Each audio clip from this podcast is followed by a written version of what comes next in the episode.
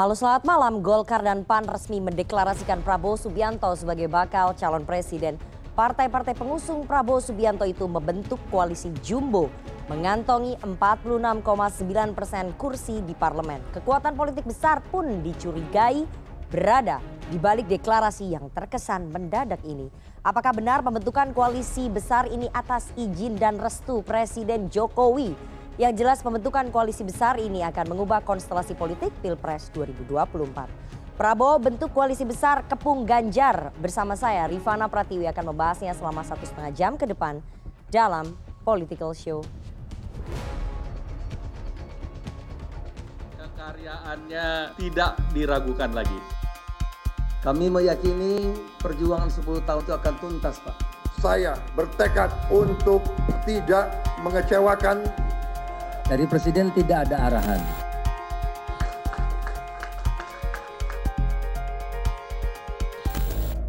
Persis setahun, Koalisi Kebangkitan Indonesia Raya terbentuk. Dukungan kepada Prabowo Subianto di Pilpres 2024 kini bertambah. Partai Golkar dan Partai Amanat Nasional mendeklarasikan Prabowo sebagai calon presiden yang akan didukung pada Pilpres mendatang dilakukan di Museum Perumusan Naskah Proklamasi Kawasan Jakarta Pusat Minggu pagi. Ketua Umum Partai Golkar Erlangga Hartarto dan Ketua Umum Partai Amanat Nasional Zulkifli Hasan membeberkan alasan merapat ke koalisi yang diinisiasi oleh Gerindra dan Partai Kebangkitan Bangsa.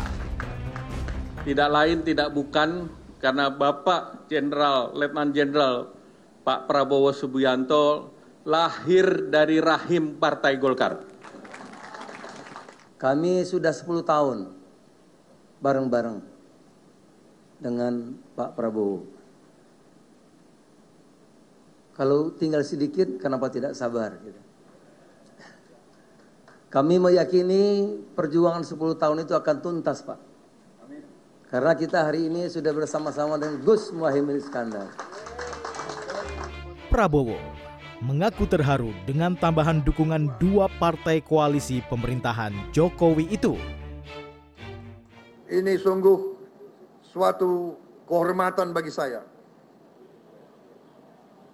Yang juga membuat saya bertekad untuk tidak mengecewakan harapan partai-partai ini dan terutama harapan rakyat Indonesia semuanya. Menanggapi bergabungnya Golkar dan PAN ke KKIR, Ketua Umum Partai Kebangkitan Bangsa Muhaimin Iskandar mengisyaratkan harapannya untuk tetap ditunjuk menjadi cawapres mendampingi Prabowo. Sempat diminta persetujuan oleh Gerindra soal bergabungnya Golkar dan PAN, Muhaimin mengaku menyatakan persetujuannya hanya jika ia ditunjuk menjadi cawapres Prabowo ada instruksi dari Pak Jokowi sebelum penandatanganan kerjasama ini? Obrolan ringan, informal? Saya cuma dimintain teman-teman Gerindra setuju nggak? Ya setuju, asal wapresnya saya. Kapan itu? Direktur Eksekutif Parameter Politik Adi Prayitno menilai merapatnya PAN dan Golkar ke barisan Prabowo terkesan mendadak. Adi menduga ada sosok kekuatan politik yang lebih besar hingga munculnya deklarasi PAN dan Golkar kepada Prabowo. Apa yang sebenarnya membuat Golkar dan PAN itu mengubah pilihan politiknya begitu cepat? Yang saya sebut tidak ada angin dan tidak ada hujan, pasti ada kekuatan politik yang cukup luar biasa, yang determinan, yang bisa dalam tanda kutip membisikkan memberikan satu farsun politik supaya Golkar dan PAN ini segera memberikan nyatakan dukungan politiknya kepada Prabowo Subianto. Nah soal siapa kekuatan besar itulah wallahu alam bisawab saya tidak bisa menebak. Sebelumnya, dalam pertemuan virtual konsolidasi relawan Prabowo Kamis lalu, Wakil Ketua Dewan Pembina Gerindra Hashim Joyo Hadikusumo mengungkapkan rencana Golkar dan PAN memberikan dukungan ke Prabowo di Pilpres 2024. Prabowo disebut sempat menerima kunjungan dari Erlangga didampingi Sekjen Golkar, Ludwig Frederick Paulus, dan Bendahara Golkar Dito Ganundito. Usai pertemuan, sejumlah elit kedua partai menunjukkan senyum yang sumringah. Asim mengungkapkan dukungan Golkar dan PAN untuk bergabung ke koalisi Gerindra dan PKB atas seizin dan restu Presiden Joko Widodo. Dan semua senyum-senyum, Pak Prabowo, Pak Muzani ya senyum-senyum, uh, Pak Erlangga, Pak Lodewijk dan Pak siapa, Pak Dito juga senyum. Ternyata uh, mereka menyatakan mau dukung Pak uh, Prabowo dan seizin dan restu dari Pak Jokowi. Menanggapi cawe-cawe istana dalam dukungan ke Prabowo, Ketua Umum PAN Zulkifli Hasan membantah bahwa tidak ada arahan atau campur tangan dari Jokowi. Apakah sudah ada uh, persetujuan Pak Jokowi? Dari Presiden tidak ada arahan. Jadi ini putusan kita bersama bareng-bareng. Ya. Jadi sama sekali tidak ada arahan dari uh, Pak Jokowi. Dengan kehadiran Golkar dan PAN, kini sudah ada empat partai koalisi pemerintahan Jokowi yang mendukung Prabowo Subianto di Pilpres 2024 izin rakyat untuk kita berkuasa. Karena kita ingin berkuasa hanya untuk kepentingan rakyat dan bangsa Indonesia. Tim Liputan CNN Indonesia. Terima kasih Anda masih menyaksikan Political Show. Kini saatnya kita masuk ke segmen Election Pedia. Tim Litbang CNN Indonesia telah merangkum angka statistik dari beberapa lembaga survei terkait elektabilitas Capres, Cawapres, dan peta koalisi terkini setelah PAN dan juga Golkar bergabung ke Prabowo Subianto. Seperti apa hasilnya? Saya sudah bersama dengan Direktur Eksekutif dari Carta Politika, Yunarto Wijaya. Selamat malam Mas Toto. Selamat malam Rifana. Ini kita paparkan ya, ada dua lembaga survei yang sudah dipotret oleh tim Litbang CNN Indonesia. Yang pertama ini punyanya uh, lembaga survei political statistik. Saya dulu ya, nanti ya. baru punyanya Mas Soto. Ini elektabilitas calon presiden dari Polstat Political Statistik uh, periodenya 28 Juli sampai 4 Agustus 2023. Prabowo Subianto tinggi ya di 41,4 persen, kemudian Ganjar Pranowo di 27 persen, Anies Baswedan di 26,9 persen tidak tahu atau tidak jawab di 4,7 persen. Itu punyanya Polstat, kita lihat yang punya Mas Toto di bulan Mei ya, ya. Carta Politika. Silakan Mas Toto. Iya, kalau kita lihat di survei bulan di akhir Mei, uh, Mas Ganjar masih di angka 38,2 persen, hmm. Pak Prabowo di peringkat kedua dengan 31,1 persen, Mas Anies di angka 23,6 persen, dan memang semakin kecil ya angka tidak tahu tidak jawab. Okay dan saya pikir belum ada satupun lembaga survei yang bisa langsung merekam apa yang terjadi kemarin. Karena biasanya kita butuh dua minggu. Jadi nanti kalau dilihat ada lembaga survei baru selisih tiga hari okay. keluar hasil survei sudah pasti abal-abal gitu ya. Yeah. dan memang menjadi menarik kan pertanyaannya adalah apakah bertambahnya mesin politik akan kemudian berkorelasi linier hmm. atau kemudian malah membawa sebuah perspektif baru di hadapan uh, masyarakat terkait dengan elektabilitas calon itu yang nanti kita akan lihat. Oke, nanti kita akan lihat di peta koalisinya ya, ya. soal uh, sokongan ataupun dukungan dari partai-partai politik, apakah akan menambah suara atau justru sebaliknya. Uh, di slide selanjutnya ada elektabilitas calon wakil presiden, masih punyanya uh, carta politika, silakan Mas Soto.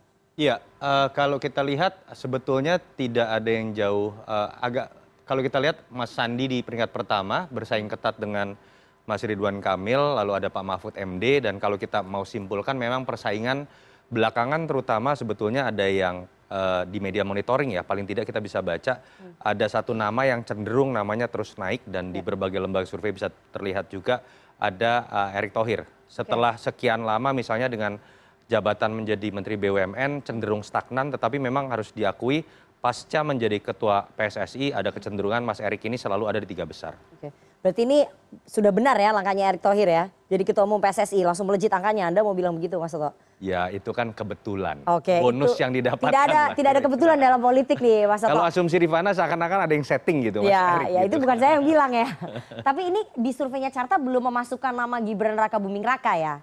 Iya, saat itu memang belum, belum ramai uh, pada saat gugatan MK walaupun di hmm. bulan April sudah ada PSI. Ya. Lalu ada beberapa kader Gerindra, kadernya Bang Habibur Rahman yang uh, memasukkan gugatan. Tapi kita tahu ramai itu baru di bulan uh, Juni ke atas ya. Dan sampai sekarang memang menjadi salah satu yang kalau kita, uh, saya ada lakukan beberapa survei hmm. telepon.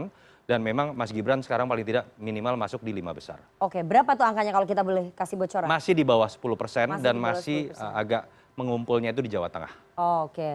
berarti lumayan lima besar di bawah 10 persen, Tentu tapi saja, karena di tingkat pengenalan Mas Gibran, walaupun anak muda dan baru, tingkat popularitasnya kan sudah pasti karena dia anak presiden, ada di posisi yang bahkan melampaui nama-nama yang lain, sudah di angka sekitar 90 persen orang mengenal nama Mas Gibran. Tapi sentimennya kita nggak tahu ya, sentimennya positif atau negatif kita nggak tahu ya Mas Soto. Ya itu Dari yang yang menjadi menarik. ya? Dan biasanya ketika kemudian betul-betul resmi menjadi seorang calon, apalagi melalui gugatan di MK yang Ya. kita tahu ada keluarga Pak Jokowi juga, saya pikir ujiannya akan di situ. Bisa menjadi sebuah batu loncatan yang uh, mendongkrak suaranya, tapi bisa juga malah kemudian menjadi blunder. Oke, kita tunggu nanti hasil keputusan MK. Katanya akhir Agustus ini akan keluar nanti putusan tunggu. seperti apa soal uh, batas usia capres dan juga cawapres yang bisa menjadi tiketnya Mas Gibran mungkin pada kontestasi 2024. Selanjutnya kita akan tunjukkan peta koalisi Pilpres 2024 berdasarkan perolehan kursi di parlemen. Ini setidaknya gambaran ya Mas, Ya. karena kemarin sudah ada deklarasi uh, koalisi jumbonya Pak Prabowo Subianto. Mungkin Mas Ya. Soto bisa paparkan dulu ini saat ini kondisinya.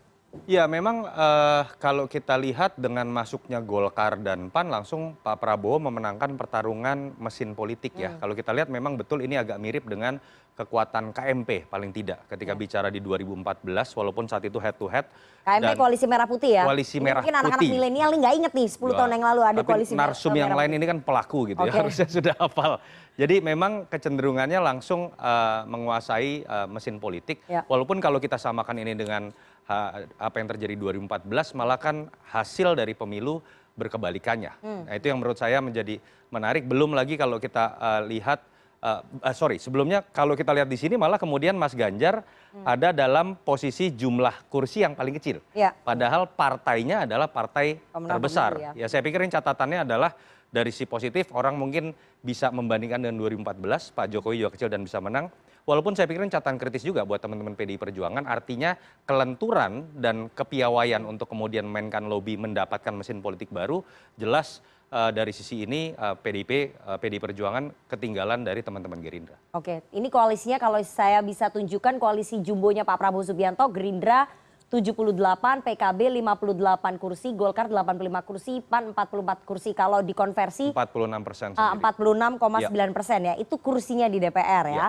Uh, koalisinya Anies Baswedan, Nasdem 59 kursi, Demokrat 54 kursi, PKS 50 kursi, jumlah totalnya Sekitar 28,35 persen. Ini kursinya di DPR, koalisinya Anies Baswedan. Koalisinya Mas Ganjar, PDI Perjuangan 128, P3 19, jumlahnya 25,56 uh, persen dengan Ya. uh, total 575 kursi Ya, di walau- DPR. Walaupun Kalau- dengan catatan ya, apa yang kita lihat sekarang itu kan Belum tentu nanti. semi koalisi. Ya. Karena koalisi itu terbentuk bukan ketika mereka bersepakat mengenai nama capres, tapi ketika mereka semua bersepakat mengenai paket nama capres dan cawa, Hmm. Dan cawapres mendaftarkan ke yang KPU. janur kuningnya itu adalah 25 November. Jadi menurut Anda ini masih bisa berubah lagi ya?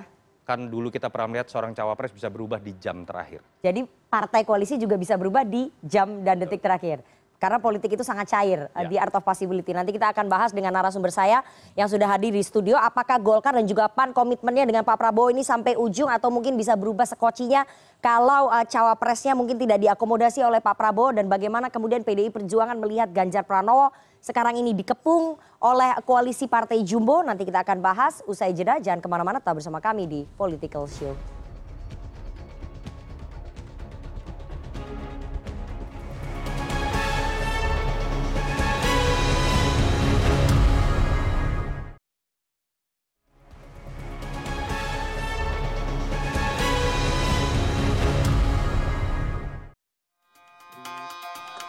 Kekaryaannya tidak diragukan lagi.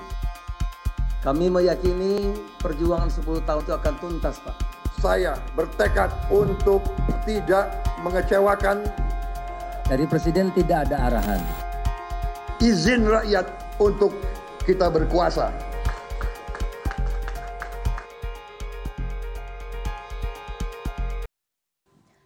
Golkar dan PAN resmi mendeklarasikan Prabowo Subianto sebagai bakal calon presiden. Partai-partai pengusung Prabowo Subianto itu membentuk koalisi Jumbo mengantongi 46,9 persen kursi di parlemen. Kekuatan politik besar pun dicurigai berada di balik deklarasi yang terkesan mendadak ini. Apakah benar pembentukan koalisi besar Prabowo Subianto atas izin dan restu Presiden Joko Widodo? Yang jelas pembentukan koalisi akan mengubah konstelasi politik Pilpres 2024. Prabowo bentuk koalisi besar kepung Ganjar. Malam ini kita akan membahasnya dengan narasumber yang hadir di studio. Saya perkenalkan satu-satu. Dari yang paling kanan ada Wakil Ketua Umum Partai Amanat Nasional, Siap. Yandri Susanto. Selamat malam Bang Yandri. Selamat malam, Assalamualaikum warahmatullahi Waalaikumsalam ada Ketua DPD Partai Golkar Maman Abdurrahman. Selamat malam Bang Maman. Selamat malam, Mbak Nana. Wakil Ketua Umum Partai Gerindra Habibur Rahman. Selamat malam Bang Habib. Selamat malam. Politisi Partai Demokrasi Indonesia Perjuangan Andreas Parera. Selamat malam Bang Andre. Malam Nana, Merdeka. Oke, dan masih bersama dengan Direktur Eksekutif dari Carta Politika Yunarto Wijaya. Mas Soto dari tadi senyum-senyum aja nih. Selamat malam. Selamat malam. Ya. Dan seperti biasa ya untuk uh, partisipasi publik dan juga pemilih muda, kita selalu mengundang teman-teman mahasiswa yang bergabung melalui sambungan virtual. Malam ini ada teman-teman mahasiswa dari BEM Universitas Sriwijaya. Selamat malam teman-teman dari BEM Universitas Sriwijaya. Cukup banyak ya hari ini. Nanti teman-teman dari Unsri bisa menyatakan pendapat, bisa bertanya, mengkritisi, dan juga mungkin menimbang-nimbang kira-kira partai mana dan juga capres mana yang akan Anda pilih pada 14 Februari 2024 karena suara kalian sangat penting, jumlahnya hampir 60 persen pada pemilu 2024 nanti. Itu yang selalu saya ulang setiap episodenya Political Show supaya teman-teman ini mau datang ke TPS karena biasanya anak muda uh, ribut aja di sosial media nggak mau datang ke TPS. Jadi teman-teman nanti harus datang ke TPS. Saya langsung ke Bang Maman dulu ya, Bang Maman. Ini kan uh, koalisinya Pak Prabowo ini koalisi jumbo begitu ya karena Golkar, PAN, PKB, kemudian uh, Gerindra bergabung menjadi satu. Tapi pertanyaan saya Golkar kenapa tiba-tiba mendeklarasikan dukungan kepada Partai Gerindra padahal dua minggu sebelumnya masih mesra sampai ketua umum Anda kasih bunga ke Mbak Puan Maharani membentuk tim teknis terus tiba-tiba belok ibarat orang pacaran terus menikahnya sama orang lain gitu. Gimana Bang? Eh, ini pertama saya mau bilang dulu ini bukan tiba-tiba. Hmm. Proses komunikasi politik antara Golkar dengan Gerindra, antara Pak Erlangga dengan Pak Prabowo kan sudah kurang lebih hampir satu tahun kan Oke. dibangun komunikasi politik. Ya bahwa dalam proses komunikasi politik ya tentunya Golkar juga tidak bisa langsung Hmm. ya kita berhak dan wajib juga membangun komunikasi politik dengan semua pihak. Artinya dengan PDIP, dengan partai Nasdem juga kita membangun komunikasi politik. Artinya silaturahmi politik itu kan dibangun Mbak Nana. Ya bahwasanya akhirnya kita melihat berdasarkan hitung-hitungan pertama ya pasti hitung-hitungan kompetensi. Hmm. Itu pasti karena doktrin kita itu karya kekaryaan. Apa nih dengan kompetensi maksudnya? Jadi dasar kita mengambil keputusan itu tentunya kita harus melihat kompetensi figur yang mau kita dukung. Kita melihat bahwa kompleksitas tantangan Indonesia ke depan itu memiliki kompleksitas yang jauh lebih tinggi dibandingkan hari ini. Artinya kita membutuhkan eh, kandidasi, kandidat ataupun eh, pemimpin negara ke depan yang memang betul-betul memiliki kompetensi paripurna yang melekat di badannya. Artinya memiliki kekuatan konsolidasi politik yang penting. Salah satunya adalah keberadaan atau positioning Pak Prabowo kalau kita bandingkan dengan Pak Ganjar dan dengan Anies, Pak Prabowo memiliki nilai plus dibandingkan yang dua ini. Apa? Beliau sekarang sudah duduk di jajaran pemerintahan Oke. pusat. Artinya secara psikologis itu dibutuhkan untuk memimpin eh, negara ke depan agar take off-nya Ya. itu juga bisa smooth. Itu satu. Lalu yang kedua tentunya kita juga melihat faktor pertimbangan kemenangan. Hmm. Ya harus kita akui bahwa eh, kalau komparasinya adalah antara Pak Erlangga dengan Pak Er- eh, dengan Pak Prabowo tentu dari segi faktor eh, faktor akademisi statistik ya hasil survei ya Pak Prabowo cukup memiliki elektabilitas yang cukup signifikan. Hmm. Artinya dua pendekat dua pertimbangan itu eh, harus saya sampaikan eh, bahwa itu juga menjadi salah satu Oke. keputusan kita. Kompetensi. Lalu yang kompetensi hasil survei dan Hasil yang survei. ketiga adalah eh, tentunya adalah kondisi perkembangan-perkembangan komunikasi politik di tingkatan elit, Hmm. yaitu antara kita Golkar dengan eh, Gerindra harus dipahami Mbak Nana secara psikologis tentunya chemistry komunikasi kita tidak mengatakan bahwa dengan PDI, dengan Nasdem, dengan Demokrat yang lain tidak, tetapi eh, ini kan komunikasi politik yang berlanjut yang memang juga Golkar sudah pernah mendukung Pak Prabowo. Artinya hal-hal ini yang akhirnya melihat, eh kita lihat bahwa kita memutuskan untuk eh, segera memutuskan untuk mendukung Pak Prabowo Subianto menjadi calon presiden ke depan. Nah pertanyaannya, kenapa baru kemarin gitu ya. Hmm, hmm. Kita sebetul, kita penting untuk segera mendeklarasinya jauh-jauh hari dari sebelum bulan November. Artinya apa? Karena persiapan sudah tinggal kurang lebih sekitar lima enam bulan, ef- enam bulan, tapi efektifnya. 4 sampai lima bulan. Jadi saya pikir keputusan tanggalnya, deadline, eh, apa tanggal kemarin itu menjadi timing yang pas Hmm. menurut menurut kita. Oke, eh, soal elektabilitas, soal hasil survei dan juga soal komunikasi politik. Saya ingin Dan tanya, uh-uh. eh, ada arahan nggak dari Presiden Jokowi kepada Ketua Umum Anda? Eh, saya saya mau sampaikan begini. Kebetulan kalau saya bilang bahwa saya ada yang lupa tadi Mbak, ada yang belum saya, saya ceritakan. Ini aspirasi dari internal partai juga. Oke. Beberapa waktu yang lalu, Iya, kurang lebih pertemuan di sekitar dua minggu yang lalu, pada saat kita la- melakukan komunikasi eh, konsolidasi di internal DPD-DPD satu seluruh Indonesia, saya saya juga sebagai salah satu ketua DPD satu kita berdiskusi dengan semua teman-teman seluruh Indonesia. Suasana kebatinan teman-teman itu mengharapkan kita ke kalau Pak Erlangga tidak menjadi calon presiden, teman-teman DPD satu seluruh Indonesia itu mengharapkan merekomendasikan kita untuk ke Pak Prabowo. Tapi kan itu bisa aja datangnya dari atas, bukan langsung dari bawah, tapi eh, dari top ke bottom. Oh. Hampir nggak dari mungkin. perintah dari Ketua Umum, Hampir nggak mungkin. meminta Gini. ke daerah-daerah gitu. Eh, gini, politik ini ruang bebas, ruang terbuka. Gimana cara mengkonsolidasi DPD 1 seluruh Indonesia 38 DPD itu untuk bisa eh, kalau misalnya ada arahan dari atas, berarti kan ada arahan, ada gerakan tuh 38 itu. Ya, jadi nggak ada arahan juga dari Presiden Sampai Jokowi hari ini, kepada Ketua Umum Anda, Pak Ya, ini berangkat dari objektivitas kita saja.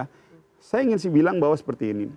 Saya pikir bukan arahan, Mbak Nana. Saya selalu dalam beberapa kesempatan di media, saya selalu Kode. bilang, kewajiban bagi kita untuk berkomunikasi dengan presiden itu adalah kewajiban. Oke, berarti ada kode dan sinyal. Kalau kode nggak ada sih, saya pikir hal yang bukan sesuatu yang inilah ya. Jadi kalau kita lihat, loh sekarang gini, Mbak Nana kan dan kita semua juga bisa baca ya. Oke. Kalau kita, kalau misalnya kita mendukung di luar Pak Prabowo atau di luar Ganjar atau di luar Anies, itu mungkin kita bisa pertanyakan berarti ada kekuatan besar. Tapi kalau kita mendukungnya Pak Prabowo, ya memang realitas politiknya begitu kok. Secara elektabilitas cukup mumpuni. Tapi Ketua Umum Anda sempat berkomunikasi, sempat berdiskusi dengan Pak Prabowo, eh, Pak Jokowi ya. tiap hari. Kan Soal kan pilihan politik Golkar. kan beliau kan Menko Iya, perekonomian. Soal pilihan politik Golkar didiskusikan nggak dengan Presiden Jokowi? Enggak, saya pikir beliau berkomunikasi dengan presiden setiap hari. Oke. Sama halnya dengan hari ini kita dengan Ya, teman-teman. berarti yang ada diskusi itu ya, ada diskusi antara Presiden Jokowi dengan Ketua Umum Anda soal pilihan politik Golkar. Saya harus luruskan jadi biar nggak bergeser nih, maklum soalnya ini Ya. hostnya Mbak Nana. Iya, makanya saya tanya langsung. Jadi begini, diskusi Pak Erlangga dengan Presiden itu adalah diskusi antara Menko Perekonomian dengan Presiden. Oke, Artinya hal yang biasa, wajib dan lumrah. Orang tiap hari juga komunikasi dan diskusi. Ya dari urusan Hmm. Diskusinya soal ekonomi, politik, soal pilpres? dari urusan ekonomi, urusan sosial, urusan politik, urusan Oke, uh, luar baik. negeri, Baik. urusan segala macam. Oke, saya putarkan pernyataan berikut ini ya. Kita dengarkan sama-sama ya. Apakah ini membantah tadi pernyataannya Bang Maman Abdurrahman, eh, politisi Partai Golkar? Kita dengarkan sama-sama ini. semua senyum-senyum, Pak Prabowo, Pak Muzani ya senyum-senyum, Eh, Pak Erlangga, Pak Lodewijk dan Pak siapa, Pak Dito juga senyum. Ternyata eh, mereka menyatakan mau dukung Pak eh, Prabowo dan seizin dan restu dari Pak Jokowi. Itu saya bisa katakan ya. Oke, Bang Maman, ini tadi Wakil Ketua Dewan Pembina eh, Partai Gerindra, Hasim Joyo Hadikusumo, menyampaikan bahwa ada pertemuan antara Ketua Umum Anda, Pak Erlangga Hartarto, dengan Menpora Dito Aryo Tejo, kemudian dengan Sekjen Partai Golkar, eh, Ludwig Fredrik Paulus, dengan Sekjen Gerindra Ahmad Muzani, dan dari situ eh, kemudian disebutkan bahwa ada restu dari Presiden Jokowi terhadap Golkar untuk merapat ke Pak Prabowo. Jawaban Anda? Ya nggak mungkin lah Jokowi pada posisi tidak merestui atau melarang Hmm. atau menghambat. Oh jangan, ke- jangan dukung Pak Prabowo atau jangan dukung Pak Ganjar. Gitu. Ya saya pikir positioning presiden saya rasa masih pada pas pada posisi yang objektif, netral, dan beliau kan ingin menuntaskan masa pemerintahan beliau sampai akhir tahun depan gitu Oke. Mbak. Namun saya rasa saya harus sampaikan begini. Eh, jadi jangan digeser gini. Bentuk komunikasi politik yang dibangun oleh semua partai, baik PDIP, Gerindra, Golkar dan PAN dan juga teman-teman yang lain adalah dalam rangka untuk menangkap eh, semangat kesinambungan pemerintahan ke depan. tentunya beliau sebagai presiden yang cukup memahami baik buruk plus minusnya pemerintahan hari ini. Jadi yang positifnya kita ambil, yang negatifnya kita evaluasi, kita perbaiki dan kita persiapkan ke depan untuk lebih baik. Jadi semangatnya di situ loh ya. Jadi maksud saya ya bahwa ada proses komunikasi-komunikasi politik ya namanya presiden adalah jabatan politik ya saya pikir eh, setiap orang berhak untuk menilai, untuk menginterpretasikan Oke. apa pun itu termasuk eh, Pak Asim juga. Jadi bagi kita itu hal yang biasa-biasa saja dan tentunya sebagai presiden ya beliau harus merestui perjalanan politik eh, partai-partai yang memang mendukung pemerintahan beliau. Saya mau ke Bang Yandri. Bang Yandri, sudah sejak lama sebetulnya Partai Amanat Nasional ini diisukan merapat ataupun mendukung Pak Prabowo Subianto. Pertanyaan saya sama ya, apakah kemudian Ketua Umum Anda Pak Zulkifli Hasan mendiskusikan, meminta eh, masukan Presiden ketika PAN ingin merapat ke Pak Prabowo? Enggak, saya malah bingung sama Mbak Nana, kenapa Pak Jokowi harus ditarik-tarik terus ini kan?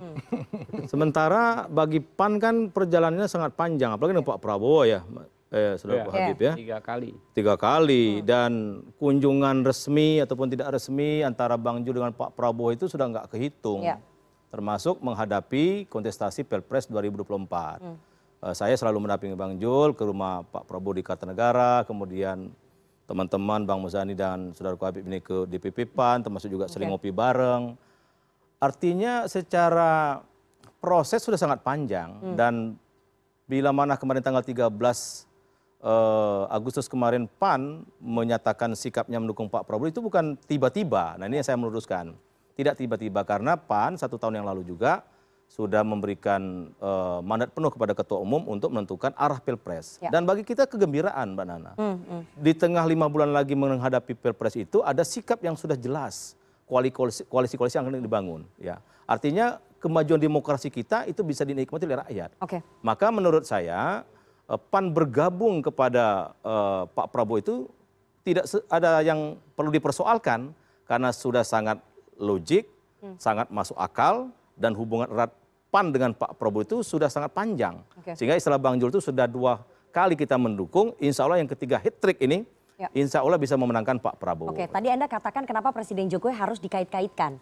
Karena pada acara Rakernas PAN, Ketua. Umum Anda Pak Zulkifli Hasan menyebutkan bahwa keputusan PAN ini diserahkan kepada Panglima tertinggi yakni Presiden Joko Widodo.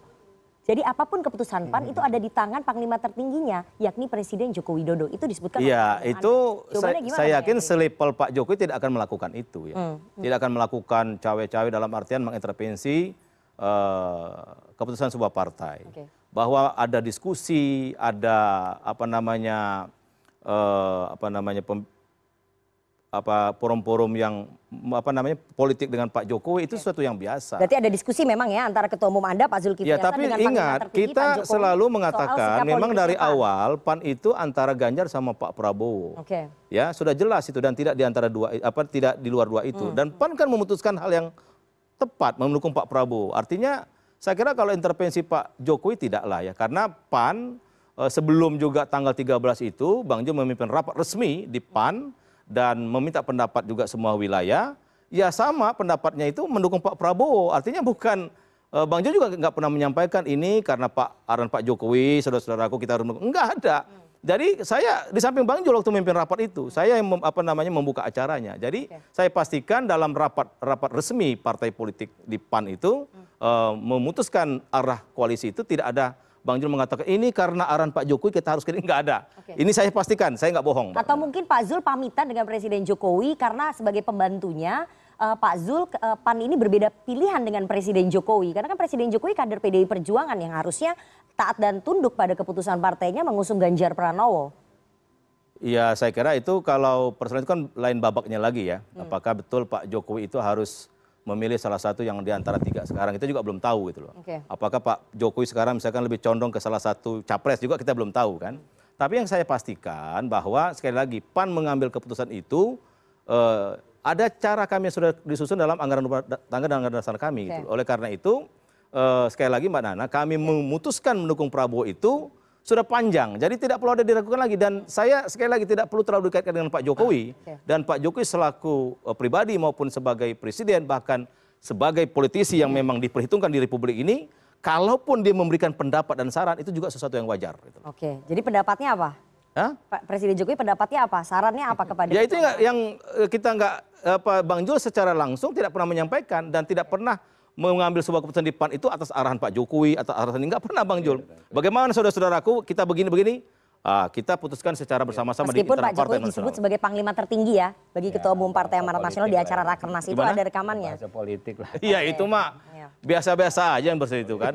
Itu loh. Bang Habib, ini tadi Wakil Ketua Dewan Pembina Pak Hasim Joyadikusumo secara clear pede sekali mengatakan bahwa Golkar dan juga PAN bergabung mendukung Pak Prabowo karena memang atas restunya Presiden Jokowi. Berarti Gerindra Ya, pede gampang melihat- sekali ya, gampang sekali memahami apa yang disampaikan oleh Pak Hasim. Oke.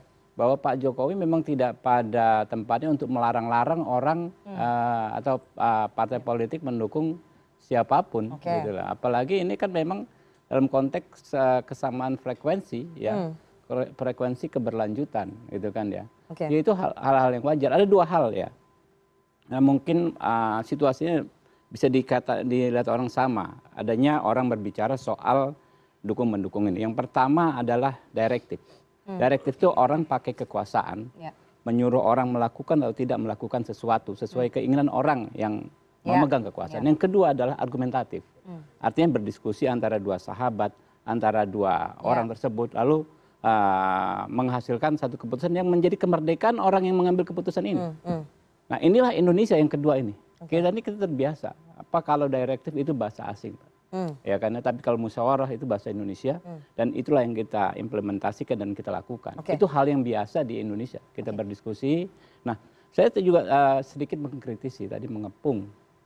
Saya pikir uh, tidak pas mengatakan kata mengepung. Hmm. Itu yang mengatakan PDI Perjuangan. Ya bukan, iya makanya. Saya kita kan apa Ya. uh, boleh dong. Boleh, ya boleh. kan? Boleh, boleh. Jadi bahwa faktor faktor sahabat kami tersebut partai terbesar dua kali berkuasa ya kan bahkan ketika oposisi pun mereka sangat dominan Hmm. kita sangat mengagumi nah dejavu yang saya sampaikan bukan dejavu 2014 Tapi? ini nuansanya beda uh, komposisinya juga beda tapi dejavu 1945 ketika kita nih tokoh-tokoh bangsa pimpinan-pimpinan kita semangatnya itu bersatu 1945 Oke.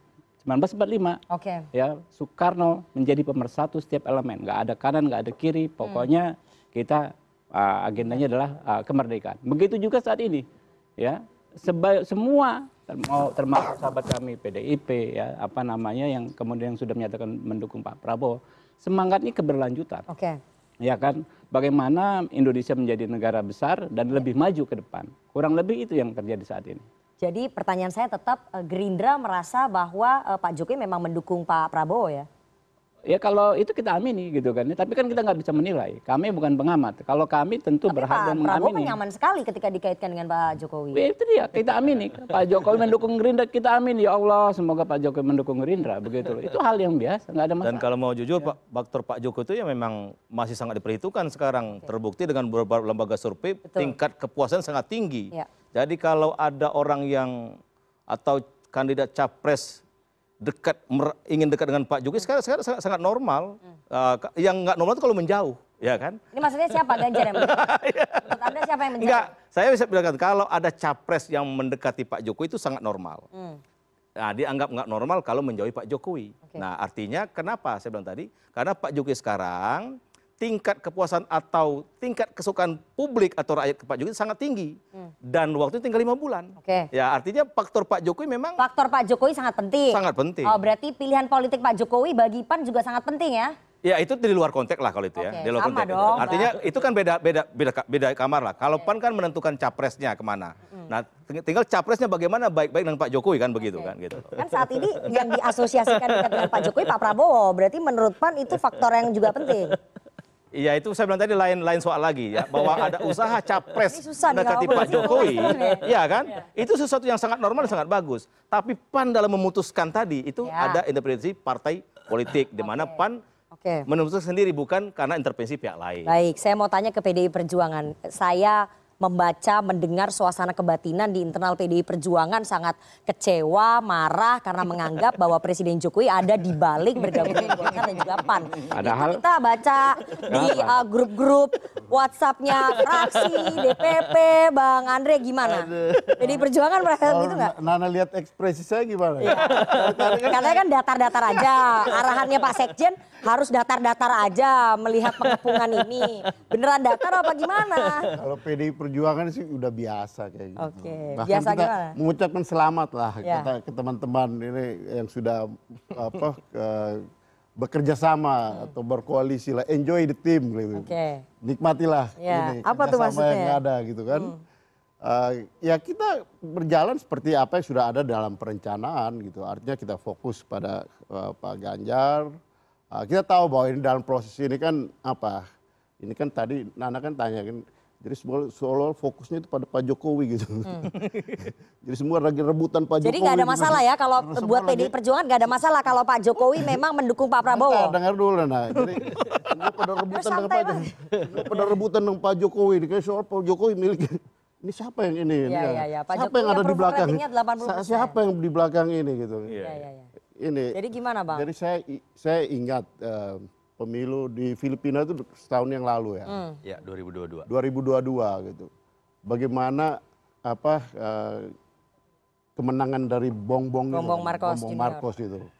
Bagaimana cara merebut kemenangan itu. Eh, pertama memang faktor Duterte itu menentukan loh. Oke. Sebagai wakil anaknya. Dan bagaimana Duterte itu menyerahkan anaknya untuk bersama Bongbong gitu. Hmm, Jadi apa nih maksudnya? Ini maksudnya, maksudnya apa Mas Gibran gitu? Ini saya nggak ngerti, ini saya nggak paham nih. Coba masyarakat juga nggak paham ini. Maksudnya apa nih? Kan kalau kalau kita lihat tembakannya ke mana ini? kita kan melihat ini kan ya saya ini juga sebagai pelaku tapi saya juga mengamati. Ya, ya, ya. Boleh, boleh. Saya ingin tanya suasana kebatinan dan PDI Perjuangan. salah satu salah satu apa meng- mengamati dan menganalisa politik itu adalah perbandingan. Oke, ya. Studi perbandingan dan Ya, kau lihat kok kayak agak mirip-mirip dengan apa yang terjadi di Filipina gitu. ya. Termasuk rebutan rebutan terhadap Duterte waktu itu. Oke. Rebutan Duterte. Ini Pak Jokowi ini Duterte gitu. Jangan-jangan. Oh, Oke, Pak Jokowi ini Termasuk Duterte kalau menurut PDI Rebut- Perjuangan. rebutan rebutan rebutan Duterte dan rebutan melanjutkan itu gitu. Oke. Jadi ada legacy dari Duterte Ya. ini kan mau direbut nih kan. Ya, kan anaknya di- Duterte di- nah, sekarang gini, diserahkan. sekarang gini, sekarang gini Nana. Ya. Jadi kita lihat yang mana yang yang original dan yang mana yang ini. Kan setelah setelah terjadi setelah terjadi setelah terjadi kan setelah terjadi bongbong itu terpilih gitu. Jadi maksudnya apa? Maksudnya ketika Duterte Makanya. disamakan dengan Presiden Jokowi, anaknya Duterte disamakan dengan Mas Gibran gitu. Maksud saya gini Nana, kita tuh kan harus belajar dari kemenangan dan kekalahan. Oke. Nah, Ya. Jadi bagaimana PDI Perjuangan akan belajar dari kemenangan bongbong. Oke. Apa yang bisa dipelajari itu? Ya bagaimana jangan sampai itu terulang di Indonesia. Ya. Iya. Jadi Belajar dari kemenangan. ya apa yang perlu dipelajari apa ini? Makanya- Sekarang yang diperbutkan kan Pak Jokowi masalahnya. Ya justru itu gitu. Oh, justru gitu. itu kan. Ya, ya. Jadi PDI Perjuangan sekarang merasa bahwa sedang ada ber- ada jarak dengan Pak Jokowi. Fakta-fakta politik ini kan harus diperhatikan kan. Ini kan dinamika ini berkembang begitu cepat. gitu. Oke. Oke. Dan ya melihat semua ini harus melihat dengan tersenyum. Ya. Dan melihat Meskipun dengan hati gimana, Bang? hati pun gembira. Oh, gembira. Oke, suasana kebatinan PDI Perjuangan semuanya Melihat gembira kalau menurut bahwa Andre. apa yang Iya, terjadi iya. itu apakah itu original Renat? Iya, iya, iya. apakah itu original atau Maksudnya apakah apa? artifisial gitu kan? Maksudnya apa yang original dan itu, itu artificial yang itu penting apa? Bagaimana memisahkan memisahkan itu Oke. memisahkan antara yang original dan yang artifisial Hmm. nah di sinilah bagaimana kita PDI Perjuangan akan menentukan sikap di dalam posisi seperti itu Oke, pertanyaan saya tetap Bang. PDI Perjuangan bagaimana ketika eh, ada rumor ataupun informasi yang mengatakan bahwa ada Pak Jokowi di balik bergabungnya Golkar dan juga PAN ke koalisinya Pak Prabowo? ya tadi teman-temannya juga Ya ini kan ragu- bantahan. ada ragu-ragunya iya. benar tidak Pak Jokowi ada di belakang mereka Oke, jadi mereka juga ragu-ragu. iya, mereka sini ragu-ragu gitu. Ragu-ragu kalau misalnya Pak Jokowi di ujung akan pulang ke rumah gitu. Di situlah saya bilang originalitas dan artifisial itu yang harus kita Oke, perhatikan. jadi PDI Perjuangan- Bagaimana memperhatikan itu gitu. Hmm. Di situlah gestur politik itu akan menentukan. Bagaimana kawan-kawan itu tiga kawan-kawan kemarin yang apa menandatangan apakah mereka dalam keadaan suasana gembira. Kalau Pak Hasim kan tadi bilang apa tersenyum kan ya. Hmm. Tersenyum tersenyum apa sumringah atau kecut gitu. Nah, itu Jadi kalau menurut PDI Perjuangan kemarin ketua umum ketua umum ini sumringah atau kecut? saya tidak ber ini dalam posisi untuk tertekan gitu menilai gitu. maksudnya. Saya tidak dalam posisi untuk menilai itu gitu. Iya. Biarkanlah ya Nana dan Toto yang menilai itu. Ya, ya. Tapi PDI Nggak Perjuangan bagus dong. menanggapi itu gimana, Bang? Bergabungnya Golkar dan juga PAN. Ini kan Golkar dan PAN ini kan partai Kan udah diucapkan selamat tadi sama Bang Andreas. nggak masalah ya. Kan Selamat. Golkar nih partai besar. Bang Nana jangan ngadu-ngadu kita sama Bang Andreas ini. Udah udah ada koalisi besar ini di sini. Tadi kalau kalau ragu-ragu bahwa itu belakangnya ada Pak Jokowi, makanya Oke. saya juga bilang, oh kenapa? Sekjen gitu. Anda sampai mengeluarkan instruksi, eh, sek- Sekjen Anda Mas Hasto Kristianto sampai mengeluarkan instruksi kepada Ketua DPC, Ketua DPD, seluruh kader dan mengatakan bahwa saat ini kita sedang dikepung. Ini dikepung siapa maksudnya? saya Dikepung kekuasaan. Ada bahasanya nih. Itu Pak ya, Pak Said Abdullah kalau nggak salah yang ngomong. Tapi Enggak, kita baca ada arahannya dari Artinya, Sekjen ya, eh, Mas Hasto Kristianto bahwa saat ini di- kita di- sedang dikepung. Dikepung dikepung- siapa Bang di- maksudnya? dikepung ya, Dikepung dikepung kekuasaan atau gimana nih Bang? dikepung kawan-kawan ini kan. Tapi itu biasa gitu dalam Iya, iya. bahwa PDI Perjuangan dikepung tahun 2014 kan dikepung juga gitu. Hmm, De- sudah faktanya dikepung akhirnya menang juga kan. Oke. Jadi masih percaya diri ya meskipun Kalau- dikepung. Kalau pendekar Dan Pak, Pak Jokowi yang dianggap Duterte itu dianggap berat sebelah. pendekar itu kalau dikepung malah tambah ini Hmm. gitu. Dia terlatih dan malah tambah jago dia. gitu. Oke. Itulah 2014 Ya, dikepung oleh Tapi Bang Andre saya ingin tanya ya, Gerindra. sebagai kader tulannya PDI Perjuangan, Anda meyakini bahwa pada akhirnya Pak Jokowi akan pulang nggak ke rumah? Ya itu tanya Pak Jokowi lah kalau soal itu. Ya enggak dong, sebagai kader kan udah nggak punya kepercayaan nih kayaknya sama Pak Jokowi.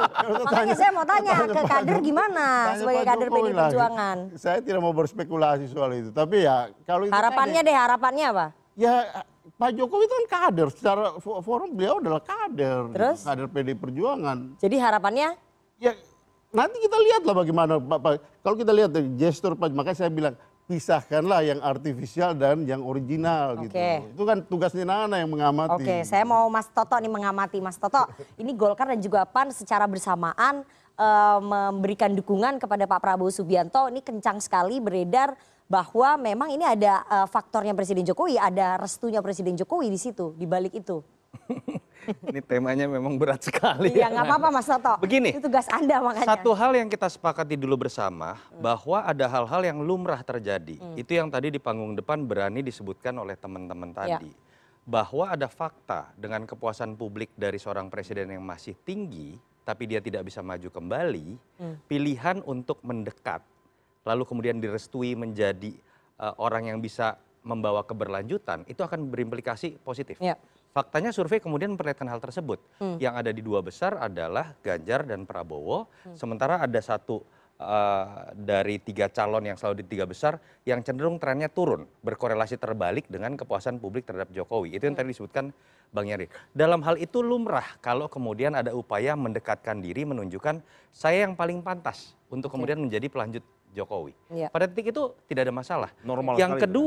Dalam konteks ketika bicara Pak Jokowi misalnya memberikan masukan atau arahan ketika dia ingin legasinya dilanjutkan, itu juga sah-sah saja. Hmm. Karena harus diingat loh, Pak Jokowi itu dalam konteks tata negara, kepala negara dan kepala pemerintahan, tapi dalam konteks sistem presidensial yang memang membangun koalisi yang isinya adalah kabinet-kabinet orang-orang partai, dia adalah juga ketua partai, eh ketua koalisi.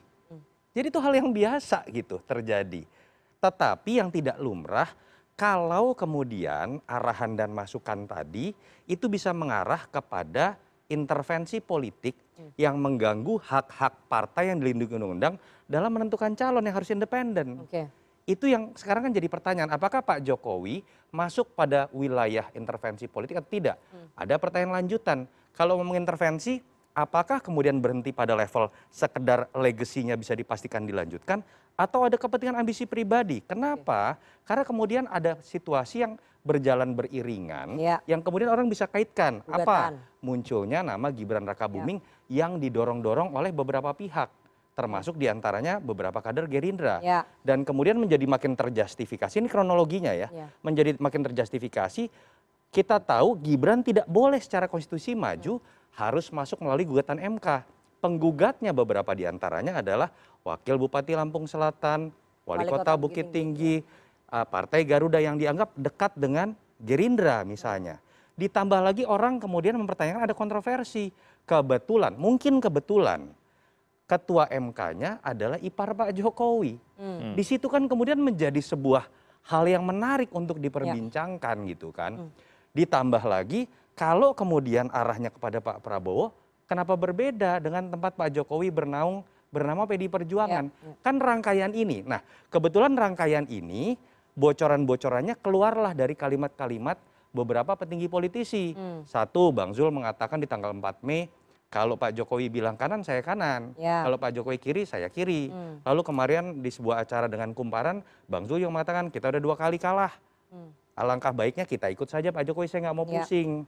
Pak Hasim mengungkapkan hal yang sama walaupun tafsirnya mungkin berbeda.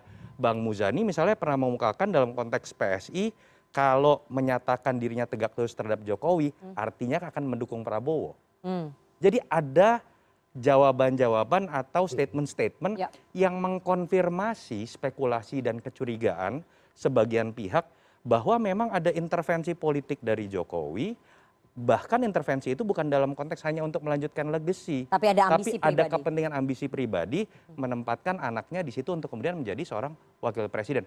Kalau itu yang terjadi itu tidak bukan hal yang lumrah lagi. Karena kalau pemilu diartikan sebagai suksesi kepemimpinan yang ditentukan oleh presiden sebelum, kita bukan lagi masuk dalam era demokrasi. Demokrasi berarti hanya basa-basi saja.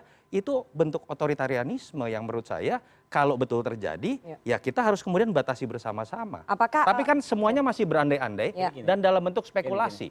Jadi yang disampaikan Bung Yunarto Wijaya tadi itu kan ah, 90% hal yang wajar, 10% cuma soal Gibran kan yang dianggap tidak wajar. Tapi ketika terjadi, Nanti, ya bobotnya bisa Nah, saya ngomong dulu. 90% Saya loh, ngomong, Bang. nanti dulu, saya ngomong dulu. Kan anda- saya hanya ma- ma- apa namanya ma- resum yang Anda sampaikan. Nah, persoalannya itu kan tinggal bagaimananya. Asumsi boleh saja, tetapi bagaimana hal tersebut bisa terjadi? Apakah ya kan yang disebut intervensi itu kan harus ada how ya. Bagaimana intervensi yang dilakukan? Nah, jelas kok kita lihat. Wajah-wajah sumeringah ini ya, wajah-wajah apa sukacita ini tidak mungkin orang-orang yang di bawah tekanan. PSI ya kan? Dengan sukacita menyatakan kami ikut Pak Jokowi. Ya Bang Zul dengan dengan sukacita menyampaikan begitu. Pak Erlangga ini orang-orang yang tidak tersandra nggak ada masalah apa pun. Anda yakin ya tidak ada yang tersandra nih iya, ketua umum ketua umum di, partai di ini? Hmm. situasi seperti ini ya kan ya? Di negara demokrasi seperti saat ini siapa yang bisa menyandra siapa? Oke. Dan bagaimana caranya? Tolong disebutkan. Nah, menurut Oh, saya itu menarik termasuk kalau yang mau dibahas khusus, yang ya ya malah sangat menarik. sangat Nggak, kalau bicara kronologi nanti jadi menarik. Semakin bagus gitu loh. Ya. Semakin bagus. Kalau Nanti- kita nanti kita bahas terkait detailin, Golkar mungkin menarik. Bagaimana caranya? bagaimana caranya? Siapa yang bisa ya kan sekarang mengendalikan institusi-institusi penegak hukum siapa? Dan siapa partai yang paling berkuasa? Itu juga kan kita menjadi pertanyaan gitu kan. Gampang apa? Ah, apa namanya? ah, institusi penegak hukum, ya kan? Siapa pimpinannya? Kemudian keluarganya latar belakangnya dari mana? Dari partai apa? Itu juga kan bisa bisa bisa dinilai. Oke. Itu kalau masuk ke sana Ya. agak mengerikan loh. Oh, enggak. Kalau bicara berdasar latar belakang keluarga, hakim. MK itu malah sensitif loh. Di Itu Kejaksaan keluarganya presiden. Ya kan? Saya malah gak kaget kalau Bang Habib menggunakan Oh, masalah. indikator itu. Nggak ada masalah, masalah. Itu Tapi kan malah bagaimana kita menilai kecurigaan orang. asumsi-asumsi tersebut secara objektif karena yang apa yang disampaikan nanti kan pada saatnya akan sampai ke persoalan hukum. Betul. Kita nggak akan bisa judgement ya dengan asumsi-asumsi nggak bisa gitu karena kita juga harus me- mengedukasi publik untuk mempertanggungjawabkan ah, asumsi-asumsi yang kita gelontorkan. Oke, silakan Mas Soto. Kalau berbicara mengenai keputusan akhirnya ada di, misalnya kalau bicara gugatan MK ada di institusi hukum. Hmm. Ketika berbicara misalnya sampai hal yang lebih sakral pun, Hmm. kita harus tarik ke belakang loh. Kecurigaan mengenai kepada Pak Jokowi ini muncul pada saat tiga periode. Muncul lagi kemudian bicara Perpanjangan. Kalau kemudian dinyatakan dalam demokrasi semuanya bisa sah, bisa melalui amandemen UD 45. Ya. Dalam konteks menuju ke sana kan terjadilah sebuah dialektika mengenai kepantasan politik. Hmm. Dan dalam diskusi mengenai kepantasan politik kita ingat Pak Jokowi yang memotong itu. Hmm. Yang menjawab bahwa saya tidak ingin dan tidak pantas. Termasuk saya pikir menjadi lumrah ketika spekulasi mengenai kaitan gugatan Oke. Terhadap uh, pasal yang memungkinkan Gibran untuk maju Hmm. dilakukan oleh kader-kader partai tertentu itu kemudian kita sekarang sedang bahas dalam konteks kepantasan politik. Tidak Jadi dihentikan. hal yang biasa-biasa saja. Tidak dihentikan juga ya? Ya dihentikan atau tidak pada akhirnya kan akan keputusannya ada di MK. Tapi Jadi dalam gini, proses menuju gini. itu normal saja kita bicara mengenai Kita kepantasan bicara politik secara tadi. teknis sedikit, agak teknis. Oke, nanti kita bahas ya. nih yang soal MK-nya nih. Iya, Ini iya, kan soal gugatan kan? Kan saya di MK. Iya, iya, iya. Kita Boleh. mau break dulu nih. Nanti habis habis break boleh dikasih kesempatan ya Bang Habib Oke, ya. iya. Setelah break kita akan jelaskan lebih dalam soal eh, posisi cawapres nih karena menjadi perebutan. Iya, iya, iya, Eh, Tapi kita harus jeda jangan ke mana-mana tetap bersama kami. Temanya cawapres ini ya.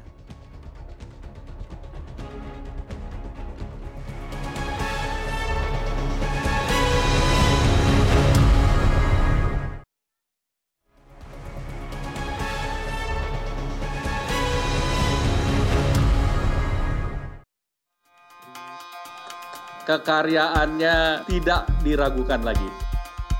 Kami meyakini perjuangan 10 tahun itu akan tuntas, Pak. Saya bertekad untuk tidak mengecewakan Dari Presiden tidak ada arahan. izin rakyat untuk kita berkuasa.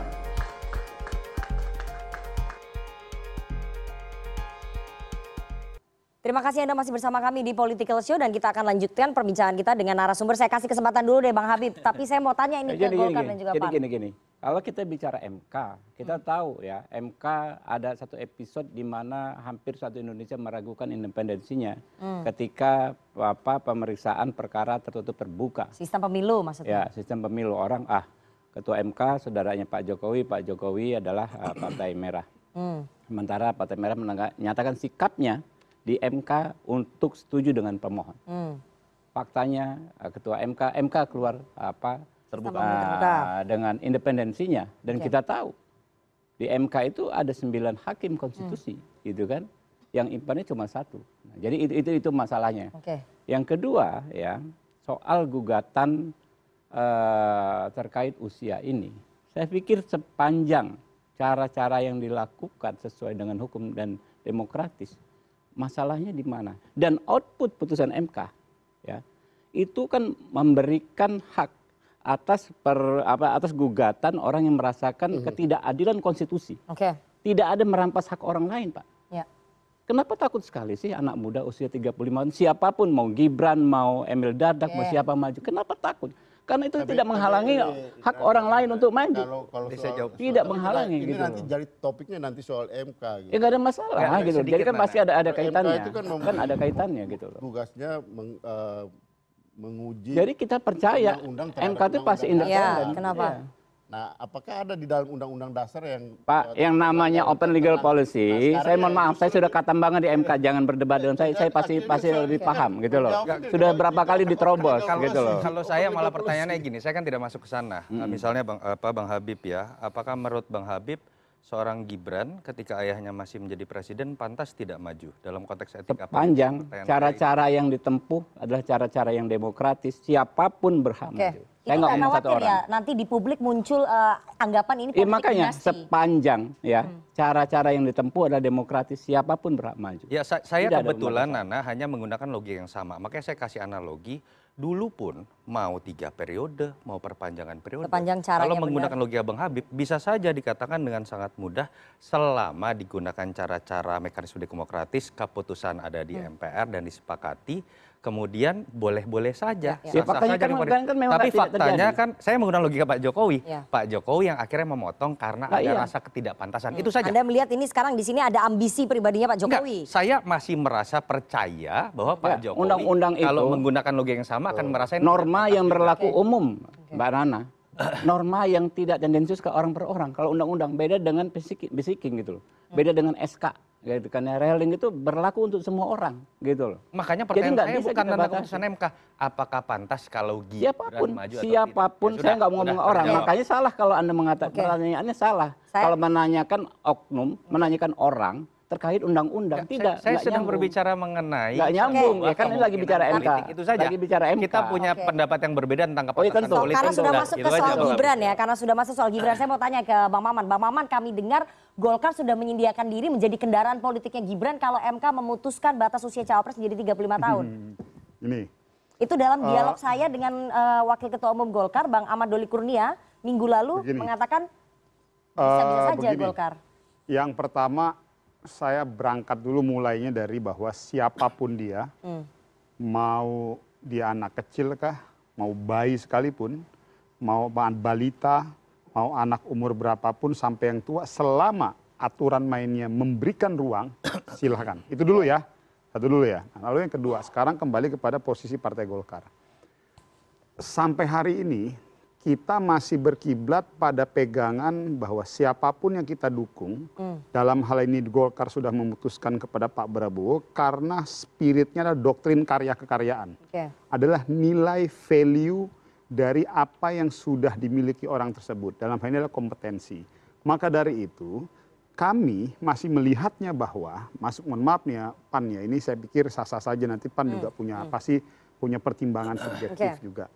Namun pada saat kita sudah bersepakat untuk membangun sebuah kerjasama politik di antara empat partai ini, semua pasti harus didiskusikan bersama-sama dengan empat partai ini. Namun dalam perspektif kami sebagai eh, partai Golkar, berangkat dari doktrin karya kekaryaan, kalau melihat positioning figur presiden maupun wakil presiden ke depan, kami melihat menjadi paripurna dan lengkap kalau keberadaan wakil presiden itu adalah ketua umum kami yang notabene adalah Menko Oke. Perekonomian. Oke. Itu dulu ya. Ya. Karena faktor kompetensi dulu. Oke. Kita harus lihat dulu faktor Jadi Golkar tetap kompetensi. dorong Pak Erlangga Hartarto sebagai Ya ini nah cawapres. itu dulu satu. Namun yang kedua kita juga menghormati bahwa muncul aspirasi-aspirasi. Ya. Ada Mas Erick Thohir, ada Cak Imin, lalu muncul lagi ada eh, Gibran Rakabuming. Namun hari ini menurut saya nggak perlu dulu kita bahas. Hmm. Karena kenapa? Saya belum mau ngapain kita mesti membahas sesuatu yang ses- yang sesuatu itu eh, tidak di, tidak disetujui oleh aturan undang-undang kita. Oke. Makanya saya mau kesampingan dulu. Jadi kita nggak usah dulu Tapi kan bahas ini udah bergulir. Ya silakan aja Mbak bergulir. Tapi bagi kami ngapain kita bahas? Ngapain kita bahas pada sesuatu? Ngapain kita bahas terhadap sesuatu yang memang menurut kita aturannya nggak masuk? Oke, kalau misalnya bulan boleh ini MK kita sudah bahas, memutuskan, boleh kita diskusikan, boleh Mbak Nana angkat isu ini. Kalau nanti MK memutuskan itu boleh. Baru Hmm. kalau enak MK kita sudah ngobrol. memutuskan itu Golkar nggak masalah ya? Ya mari kita buka loh. Enggak, Mbak. Hari ini kita nggak bisa bicara keputusan Golkar saja. Hmm, Kita ada empat partai nih. Yuk Oke. kita duduk bareng. Ya. Plus minusnya harus dihitung. Ya. Bagaimana baiknya, bagaimana negatifnya. Apakah ini melihat eh, dari segi kepentingan untuk Ya, ke depannya. tapi sosok Gibran bisa diterima nggak di internal Golkar? Kalau Kami- misalnya nanti empat eh, tiga partai yang lain Kami sepakat. gini Mbak Nana, saya bilang tadi, nggak perlu kita diskusikan dulu, nggak perlu kita perdebatkan dulu karena sampai detik hari Oke. ini Gibran belum bisa.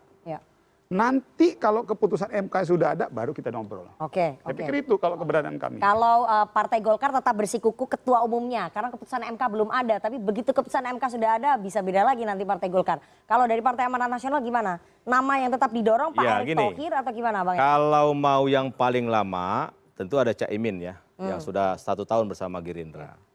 Kalau mau kursinya paling banyak, Golkar. tentu Pak Erlangga. Plus kompetensi.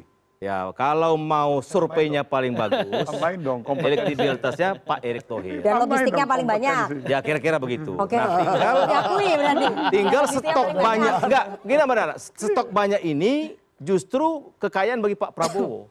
Dibawa ke forum satu meja, proposal dari eh, Cak Imin gimana, proposal dari Golkar gimana, dari PAN bagaimana.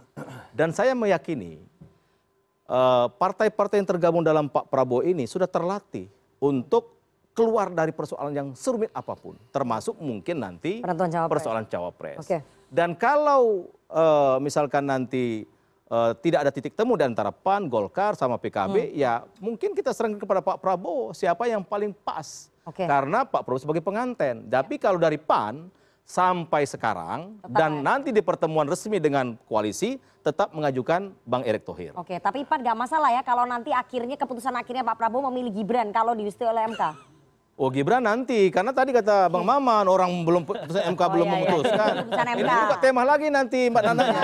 Nanti aja Mbak. Nanti, kalau PAN tetap Erick Thohir, tetap Erick Thohir kalau PAN gitu loh. Oke, sampai putusan MK.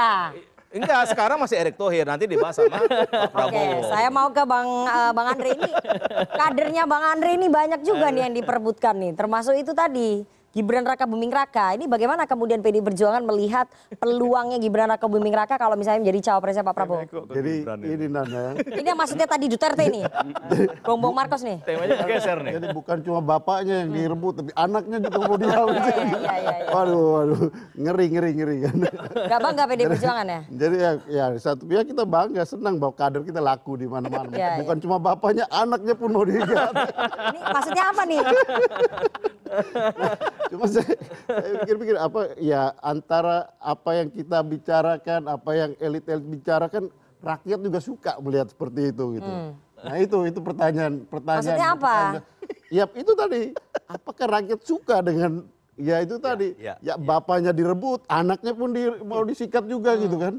Nah sementara banyak hal yang ya pertama tadi kan Toto tadi singgung soal kepantasan politik, terus kemudian soal ada ada aturan main yang sedang menjadi persoalan gitu. Nah ini kan semua rakyat melihat semua hal ini gitu. Oke. Dan mereka lah yang merupakan ke- dan pengambil keputusan. Mereka lah yang kemudian pengambil keputusan terakhir pada tanggal 14 Februari gitu. Oke. Jadi. Saya punya Jadi kalau saya sebagai kawan dari ya aturan sebagai itu teman-teman bukan kader itu kekuasaan tapi dengan janganlah beban jeba- janganlah bebankan terlalu banyak pada bapak dan anak ini gitu. Sehingga mereka ter- jangan terlalu terbebani dengan itu gitu. Tapi PDI Perjuangan melihat ini tidak eh, bukan suatu kepantasan ya. Ya itu tadi nanti rakyat yang akan melihat gitu. Untuk PDI, untuk rakyat PDI yang akan Perjuangan melihat. bagaimana? Kami senang-senang aja kan ini apa ke kader Tapi kan bapak aturan dan partai bapak, jelas, sudah ada keputusan bapaknya dan an- satu nama. Ya itu tadi gitu. Nanti ya kepantasan itu ada di rakyat dan bagaimana proses itu berjalan dalam dinamika. Oke, saya mau putarkan ya. Ini di hari yang sama pada saat eh, Golkar dan juga PAN bergabung ke koalisinya Pak Prabowo, sorenya eh, Projo langsung merilis ini. Ini kita dengarkan sama-sama nih.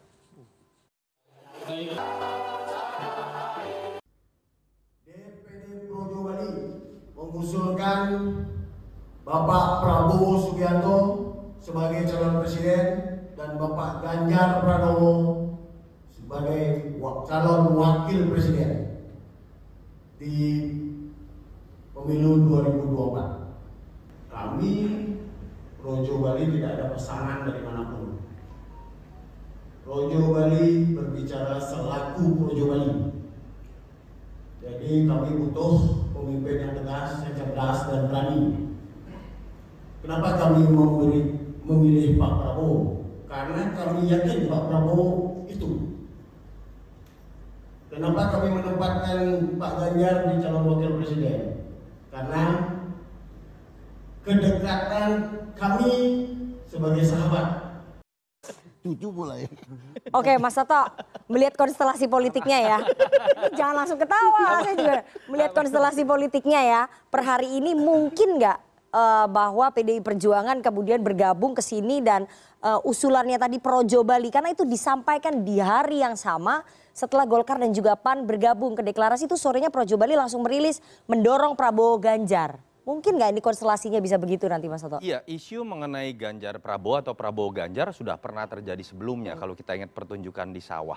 Oke. Dan itu bareng dengan Jokowi juga. Dan itu memang idenya Pak Jokowi ya, menyatukan mereka berdua. Iya, orang bacaannya seperti itulah. Hmm. Pak Sampai Jokowi sekarang berarti ide itu masih hidup. Nah sekarang pertanyaannya kan adalah apakah tetap Ganjar Prabowo atau kemudian menjadi Prabowo Ganjar? Hmm. Saya pribadi tetap melihat dengan angka yang dimiliki Mas Ganjar, Pak Prabowo dan Mas Anies, ketiganya harus maju. Hmm. Yang ideal buat saya. Ketiga-tiganya ini memiliki sebuah angka yang cukup sebagai modal elektoral untuk diklaim sebagai kepercayaan publik. Hmm. Dan kita tahu perbincangan dalam dua tahun terakhir itu berbicara mengenai ketiga sosok yang kalau kita baca di survei atau kita analisis secara kualitatif juga punya karakteristik pemimpinan yang agak berbeda-beda. Oke. Misalnya Pak, jo, Pak eh, Prabowo agak kuat di tegasnya, eh, Mas eh, Ganjar kuat di merakyatnya, Mas Anies kuat di intelektualitasnya. Saya pikir akan menjadi suatu pertarungan Ya. yang menarik. Jangan sampai lagi-lagi kalau kita bicara tadi, kenapa nggak Prabowo Ganjar aja atau Ganjar Prabowo? Itu logika elit, Hmm. politik kartel. Oh kita arisan aja, gabung Tapi kan aja. itu memang uh, ide yang selesai awalnya gitu. muncul dari Pak Jokowi. Ya ap- mau itu namanya Jokowi, mau itu namanya Gibran, mau kepuasan publiknya 100%, demokrasi tidak seperti itu. Oke. Itu yang saya takutkan, ini bukan tentang Prabowo atau Ganjar Hmm. atau Mas Anies. Tadi bagaimana mendefinisikan pemilu itu tidak boleh dengan istilah tegak lurus. Tegak lurus itu dalam konteks kebijakan selama presidennya masih uh, berkuasa. Tapi tegak lurus dalam konteks menggunakan hak politik Anda sebagai partai mencari kader terbaik menjadi warga negara terbaik nggak boleh tegak lurus. Oke. walaupun misalnya Pak Jokowi 110% kepuasan publiknya pun itu tidak boleh dilakukan. Makanya saya mengatakan kepada teman-teman relawan atau misalnya PSI istilah tegak lurus atau menunggu instruksi Bapak Presiden itu kalau teman-teman ingat itu khas dari almarhum Harmoko yang kepada dulu sering menjadi bercandaan politik ya. ketika kita masuk ke dalam masa reformasi karena kemudian kita bicara kultus terhadap individu bukan lagi kultus terhadap nilai padahal relawan itu hadir ketika berhasil mendapatkan orang sesuai dengan nilai-nilai yang mereka yakini Ya. dan mereka dorong ke partai untuk mencalonkan. Saya berharap itu yang terjadi juga pada 2024. Oke, tapi peluangnya kecil kayaknya ya. Apa nih? Melihat eh, perkawinan ataupun duet antara Prabowo Ganjar ini bisa berjalan ataupun bisa terjadi seperti usulannya Projo Bali tadi. Dengan logika PDI Perjuangan elektabilitas bukan elektabilitas suara parlemennya lebih tinggi dan karakter agak keras kepalanya Ibu Mega Hmm. Oke. menurut saya agak sulit dan idealnya menurut saya lebih baik mereka semua masing-masing ya. dipertandingkan siapa pun yang termasuk Mas Anies kita jangan Ya. lupa ya siapa pun yang menang harus diterima sebagai wajah demokrasi Oke, eh, PDI Perjuangan dengan karakter kerasnya Bu Mega mungkin nggak ini menggabungkan ataupun eh, bergabung ke Prabowo eh, ke Pak Prabowo. Jadi duetnya Prabowo Ganjar seperti usulan Projo Bali tadi. Ya masa PD Perjuangan apa yang sudah diputuskan oleh ibu kemudian ditarik lagi kan Hmm. itu nggak biasa di PD Jadi nggak bisa Perjuangan. ya? Nggak biasa di PD Perjuangan. Jadi nggak akan ada renegosiasi ulang. Ya kita lihat saja nanti. Tapi kan dalam tradisi PD Perjuangan ya itu eh, keputusan yang sudah dibuat itu adalah perintah untuk dilaksanakan. Hmm. Jadi nggak mungkin ya usulan menggabungkan Prabowo dengan Saya Ganjar itu tadi mustahil. itu tidak biasa di dalam PDI Perjuangan. Hmm. Dan apa yang sudah diputuskan oleh eh, ketua umum itu adalah perintah untuk dilaksanakan. Oke, jadi mustahil ya, Ma- Bang Andre. Tapi kalau dari eh, Gerindra sendiri bagaimana? Usulan tadi Projo Bali, Projo kan lebih condong ke Pak Prabowo ya, dan Projo Bali mengusulkan duet Prabowo Ganjar. Ya semua usulan tentu akan kami sampaikan ke Pak Prabowo dan Gus Muhaimin Iskandar dan rekan pimpinan apa partai-partai koalisi. Ya. Tapi kalau Partai Gerindra kami menghormati uh, PDI Perjuangan sebagai partai terbesar ya yang sudah punya resmi mencalonkan Pak Ganjar ya. Jadi nggak mungkin kami menawarkan proposal uh, Pak Ganjar jadi wapresnya Pak Prabowo. Sangat tidak sopan ya sangat tidak pantas gitu kan ya. Jauh lebih baik ya kita berkontestasi dalam situasi yang sehat yang guyup yang rukun ya kan. Beda pilihan nggak ada masalah tapi secara garis besar kita semua merah putih. Kurang lebih begitu. Tapi kalau Pak Jokowi menyarankan itu gimana? Ya, itu yang saya sampaikan ya. silakan namanya saran dari siapa pun tentu kami akan sampaikan ke Pak Prabowo dan Tarik, tarik Pak Jokowi lagi. Ya, siapa tahu kan Pak Jokowi. Saran silakan. 80% Temanya memang ada saran kan nggak apa-apa ya bang ya. Iya, betul, saran nggak apa-apa nggak ya bang ya. Golkar gimana bang? Apa? Kalau misalnya duet Prabowo Ganjar itu tiba-tiba Pak Jokowi dorong dong. Pak Jokowi. Gini, it- ini yang saya sih sebetulnya maka dari tadi saya tuh lebih senang mendiskusikan sesuatu yang memang menurut saya realitas gitu. Kalau masih yang di awang-awang tuh kayak susah gitu. Karena tadi udah disampaikan juga banyak. Kayaknya sulit ya. Oke. Karena kalau melihat tadi faktor eh, sejarah PDI, terus saya pikir dan saya dalam konteks ini saya setuju dengan Mas Toto bahwa eh, rakyat juga perlu diberikan beberapa pilihan-pilihan opsi supaya demokrasi ini bisa jauh lebih bagus, jauh lebih sehat dan publik eh, bisa lebih banyak pilihan. Ya. Nah artinya kita sudah eh, bersepakat hari ini untuk membangun sebuah koalisi bersama dan tentunya eh, setiap nanti langkah-langkahnya akan didiskusikan bersama di Oke. di partai dan kalau tadi terkait kuali apa format Pak Prabowo dan Pak Ganjar saya pikir kayaknya kecil, Sulit ya? kecil. Oke, kalau dari PAN sendiri gimana? Ini kan Pak. Ya, saya kira gini, kalau. Pak Jokowi ke kanan, PAN Enggak ke gini gini. kanan. Enggak, gitu. saya kira kita begini. Kita harus berterima kasih kepada anak-anak bangsa yang mau berkhidmat menja- maju sebagai kandidat capres. Hmm. Ya Pak Prabowo, Pak Ganjar, ya, itu. Pak Anies itu sesuatu yang luar biasa buat Republik ini loh, Hmm. untuk menjaga ritme demokrasi kita. Bayangkan kalau ada nggak ada orang yang mau jadi capres, Hmm. masa kita impor misalkan. Nah oleh karena itu kita nikmati saja dinamika ini itu loh. Oke. Nah, artinya kontestasi ini kontestasi kegembiraan. Nah, kita kawal dengan baik. Eh, Iya pasti bukan khairat saja. Oke. Jadi siapa pun yang menang kita hormati asal cara-cara tidak tercederai. Ya, Maka jadi kita pertanyaan saya Pan gimana dengan duet Prabowo Ganjar? kalau sekarang kita eh, menawarkan eh, Prabowo kita Erik. Prabowo, Prabowo Erik. Jadi di situ dulu proposal PAN, ya kan? Kita akan bahas lebih Tapi lanjut dalam nanti. perjalanannya nanti? Saya hakul yakin tiga-tiganya maju. Oke, jadi tiga-tiganya maju ya. Ya. Jadi nggak mungkin ini duet Prabowo Ganjar terjadi. Kecil kemungkinan itu. Mustahil. Oke. Bagaimana tanggapan dari teman-teman eh, mahasiswa Universitas Sriwijaya melihat dinamika di kontestasi Pilpres ini? Kita harus jeda terlebih dahulu. Jangan ke mana-mana, tetap bersama kami di Political Show.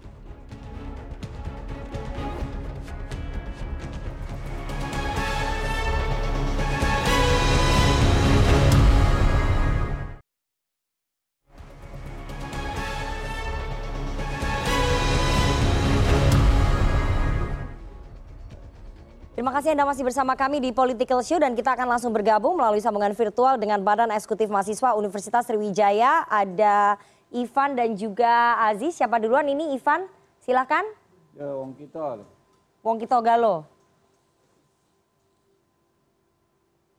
Silakan Ivan. Ayo dong Ivan. Oke, eh, izin masuk. Silakan. Halo. eh, Oke, sebelumnya izin mengenalkan diri saya Ivan Fatur Rahman. Eh, menarik sekali bagaimana diskusi yang tadi terjadi antara koalisi-koalisi yang ada, yang diwakili oleh narasumbernya. Eh, sebenarnya hal itu membawa kepada sebuah pertanyaan di benak saya. Bagaimana Pak Prabowo serta koalisi ini bisa melanjutkan pembangunan super infrastruktur yang sudah dilaksanakan oleh Bapak Jokowi di era sebelumnya. Lalu bagaimana Bapak Prabowo dan koalisi itu meyakinkan kami, pa- ba- maaf, para generasi muda untuk dapat memilihnya. Bah- bah- bahkan eh, walau kita udah tahu gitu kisah kelam yang terjadi di masa lalu yang mengakibatkan banyaknya korban dari mahasiswa dan aktivis. Oke. Mungkin eh, terus aku sedikit penasaran, mungkin apa aja sih kriteria yang dibuat untuk cawapres dari para itu dari para Oke, baik. Dari Pak Prabowo dan juga mungkin Ganjar. saya sebagai mahasiswa bisa bergabung. Baik, terima kasih Ivan. Aziz satu lagi. Ya, silakan Aziz. Baik, perkenalkan. Payo, payo lur. Perkenalkan nama saya Akbar dari Universitas Sriwijaya. Saya ingin mengajukan pertanyaan. Silakan, yuk Aziz. Saat ya, saat ini Bapak Prabowo Ini Subianto kelihatan nih gambarnya nih. oleh Ya, silakan. Yuk. saat ini Bapak Prabowo Subianto didukung oleh empat partai koalisi dalam pemilihan umum tahun 2024 mendatang. Ini menjadikan Bapak Prabowo baca pres dan Bapak Ganjar didukung oleh PDIP, PSI, Hanura, P3. Apakah menurut Anda Bapak Ganjar Pranowo selaku baca pres koalisi PT PDIP dikepung oleh Bapak Prabowo dan keempat partai koalisi. Oke, ini ya ya ya. Saya udah langsung ya. Saya ke eh, siapa dulu nih? Ke Bang Habib langsung. Bang Habib, ini tadi pertanyaan bagaimana kemudian meyakinkan generasi milenial bahwa eh, Pak Prabowo bisa melanjutkan pembangunan infrastrukturnya Pak Jokowi itu yang pertama. Yang kedua, ini mengingat masa lalu. Karena ini kan teman-teman mahasiswa, apa yang dilakukan oleh Pak Prabowo, ini bagaimana meyakinkan teman-teman mahasiswa bahwa itu tidak akan terjadi lagi kalau Pak Ya, Prabowo berkuasa. panjang ya. Oke. Jadi kalau infrastruktur pasti ini orang Palembang tahu banget. Dari Hmm. Bakauheni ke kota Palembang cuma tiga setengah jam sekarang. Hmm. Kalau dulu bisa mungkin 14 jam. Oke. Ya, Jadi infrastruktur itu luar biasa dan itu menjadi komitmen Pak Prabowo untuk melanjutkan. Soal apa namanya eh, pelanggaran HAM, Pak Prabowo nggak ada kaitannya sama sekali dengan Hmm. pelanggaran HAM. De facto secara hukum, de jure nggak ada kaitan sama sekali. Ada empat hal ya. Yang pertama keputusan Dewan Kehormatan Perwira ya. Itu hanyalah sebuah keputusan yang bersifat rekomendasi dan usulan dengan pertimbangan ah, lalu dilanjutkan adanya keputusan Presiden B.J. Habibie Oke. yang menyatakan tidak ada kaitan sama sekali Pak Prabowo dengan uh, peristiwa penculikan. Fakta-fakta persidangan tim Mawar juga nggak ada kaitan sama sekali dengan Pak Prabowo. Lalu sudah mungkin 20 sekian tahun sejak 2006 ini eh, 18 tahun ya.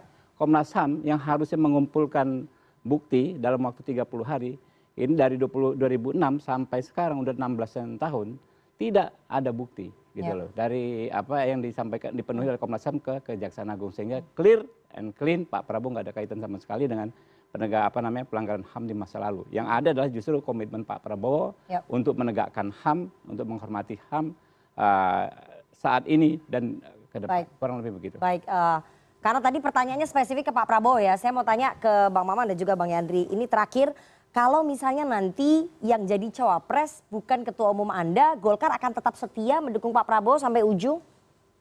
Sampai hari ini kami pertama kita sudah bersepakat ya.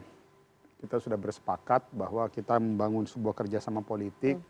Namun harus diingat Mbak Nana, eh, saya juga harus bilang bahwa tidak ada sesuatu yang pasti Oke. terkait koalisi itu dulu. Hmm, hmm. Sampai kita mendaftar di KPU. Oke. Itu dulu. Nah, yang penting semangatnya adalah kebersamaan. Jadi bagi kami Partai Golkar, selama proses pengambilan keputusannya itu kita duduk bersama berempat dan kita betul-betul mempertimbangkan pertama adalah faktor kompetensi dan bagaimana apakah racikan pasangan ini bisa menghantarkan kemenangan. Saya pikir Golkar akan eh, terus Oke. dan kita akan jalan bersama. Jadi Golkar belum bisa memastikan ya akan sampai ujung apa enggak? Ya, ya, bukan kita kan nggak pernah tahu mana. Kalau tapi yang pasti Ini sampai tangan. jawabnya kalau menana Ya begini, saya mau bilang dulu. Pertama, kalau kita mau memastikan koalisi sampai nanti di KPU, Mbak, Hmm. nggak ada yang pasti. Termasuk koalisinya Ganjar. Termasuk koalisi di sana, segala macam Mas Jadi Anies anything nggak ada. can happen ya. Semua pasti bisa terjadi. Namun yang perlu dipahami bahwa pada saat kita sudah bersepakat untuk duduk bersama Hmm. empat partai ini, saya meyakini yang terpenting dari semua keputusan harus diambil bersama-sama.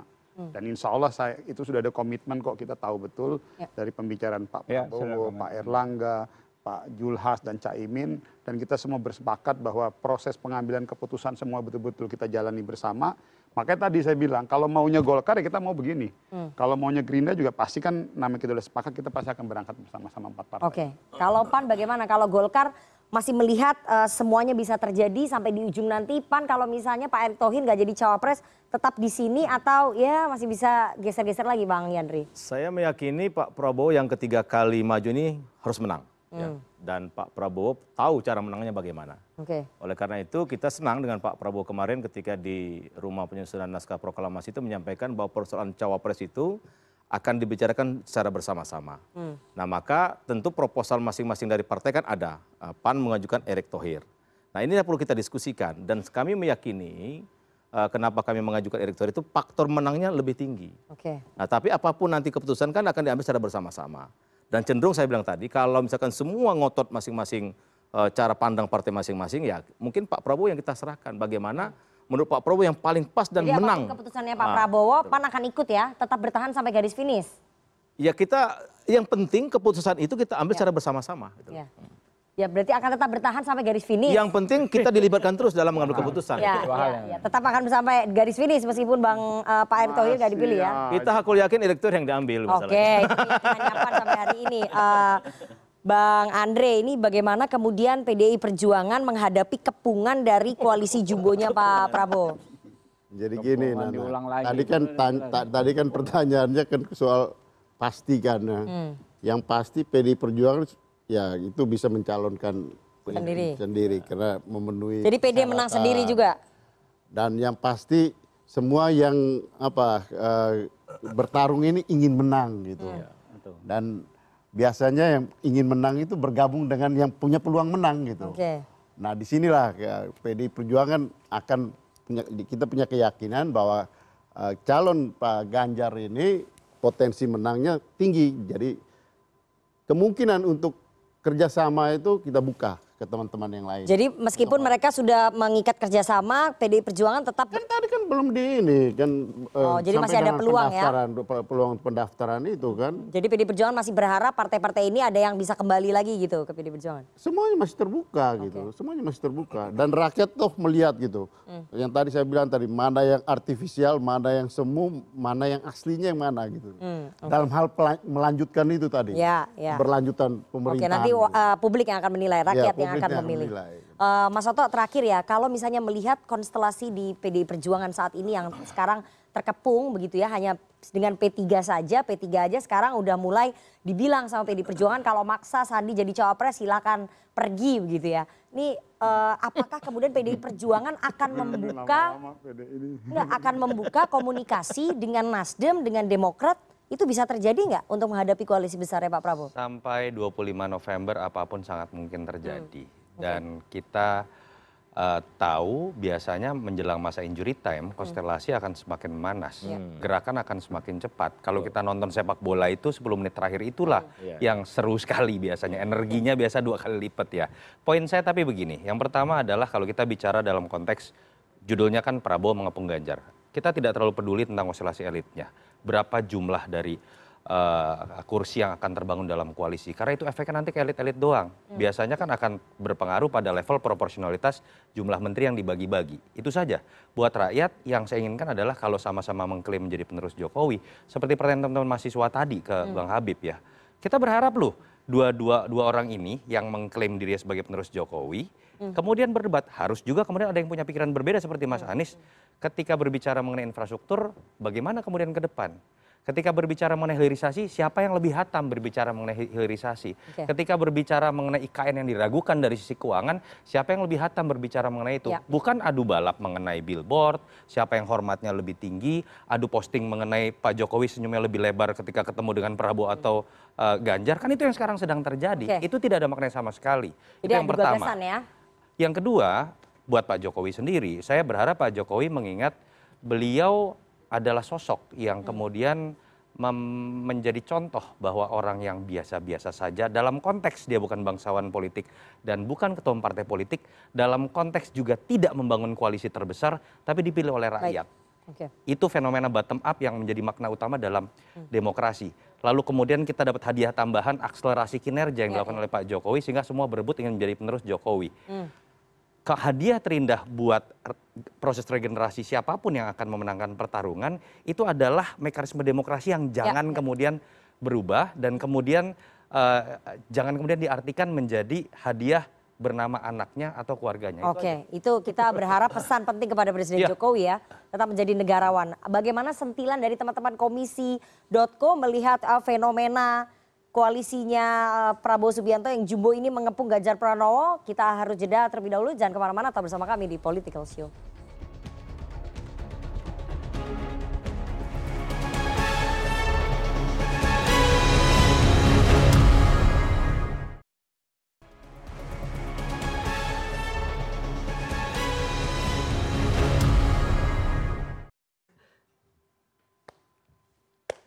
Assalamualaikum warahmatullahi wabarakatuh. Waalaikumsalam warahmatullahi wabarakatuh. Tepuk tangan untuk diskusi. Tepuk tangan untuk diskusi malam hari ini luar biasa seru sekali. Luar biasa. Kita nggak cuma katakan politisi juga banyak teman-teman mahasiswa dari Unsri, Wih, alma maternya kuning. Ya. Mohon maaf Mbak Rifana itu BEM Unsri apa eh, Golkar Muda itu Mbak? Nggak tahu saya juga. Benar Emang ya? begitu warna jaketnya. Oh, emang begitu. Soalnya tadi kita kalau itu ini kita takutnya ini adalah ketua BEM Unsri. Iya makanya kita takutnya begitu, Pak. Bukan gitu. Oh, bukan ya? Bukan itu ketua BEM UI. Eh enggak bukan, bukan. Bukan. Topik hari ini, topik hari ini tuh ih seru banget. Topik hari ini adalah Prabowo bentuk koalisi besar kepung Ganjar. Tapi mohon maaf Mbak Rifana, aku nggak sepakat dengan topik ini. Ih, menurut topik ini membuat kesan seperti Pak Ganjar ini tuh sedang terkepung gitu. Padahal ya, mohon maaf nih, politik itu dinamis. Ya. Mereka yang koalisinya besar itu belum tentu menang. Ya. Apalagi yang kecil tapi. makin berat makin berat. Biasanya makin Ya, berat. ya. Biasanya makin berat. Soalnya kan PDIP itu P-nya perjuangan kan. Benar, Ya. cocok. Walaupun perjuangannya memang agak berat Ya, kayaknya. perjuangannya agak berat gitu. Perjuangannya agak berat. gitu silakan Ya, Bang Andre. Tapi walaupun seperti itu kita juga nggak boleh lupa lah kondisi seperti pendekar udah biasa kayak Nah, itu dia. Iya. Partai Demokrasi Indonesia Pendekar. Ya, Betul. karena kondisi Pak Ganjar dan Pak Prabowo, terutama koalisinya sekarang itu seperti film 300. Apa Ada yang itu? udah pernah nonton? Ya. Itu Ya, ya, film ya, ya, antara tentara Sparta yang berjumlah hanya 300 orang melawan tentara Persia yang berjumlah 300 ribu orang. Dan tentara Sparta bisa menahan gempurannya. Ih, menang deh, Dok. Kalah. Eh, Tapi kan saya bilangnya bisa menahan. bisa nahan, bisa Iya, nahan. nahan bisa. Iya, Bang Andre harus nonton sampai habis. Memang di ending itu. Ya. Tapi kita juga harus penting. Kita dari tadi ngomongin eh, ngomongin koalisi yang bukan besar. Tapi kita koalisi besar ini juga penting. loh. Ya. Karena jangan sampai jumawa gitu. Betul. Koalisinya Pak Prabowo ini jangan sampai jumawa. Karena belajar dari pengalaman Pak. Semua koalisi itu kalau kita lihat itu wah, solid banget di awal. Sampai ngomongin cawapres. Itu ini biasanya tidak mulai itu. Udah Tapi mulai itu mulai ada gesekan-gesekan. Benar. Di situ Ya. tuh Bang Andre ngeliat ada celah. Tapi yang paling menarik dari narasumber-narasumber ini Kenapa tuh? menurut saya adalah Mas Toto sih. Kasih aplaus. Tepuk tangan dulu sebenarnya untuk Mas Toto nih. Pengamat tuh bebas mau ngomong apa aja. Iya. Karena Mas Toto ini adalah konsultan politik yang pernah mendapatkan ancaman pembunuhan. Apa maksud lo? Di Twitternya Mbak Adi pernah upload itu. Ada yang pernah upload. Benar. Dan yang bikin saya kaget ya, respon Mas Toto terhadap kejadian itu. Apa tuh? Mas Toto bilang, ah itu bukan hal yang baru. eh, ancaman pembunuhan loh Mas Toto. Kok bukan hal yang baru? Gua aja lupa. Makanya jangan-jangan nih Mas Toto ini adalah seorang konsul eh, konsul politik yang udah terbiasa dapat ancaman pembunuhan. Takutnya nih Mas, takutnya nanti keadaan politik udah tenang, Mas Toto tuh di rumah sendirian malah kangen. Adem pasti 2024. Kok nggak ada ancaman ya hari ini?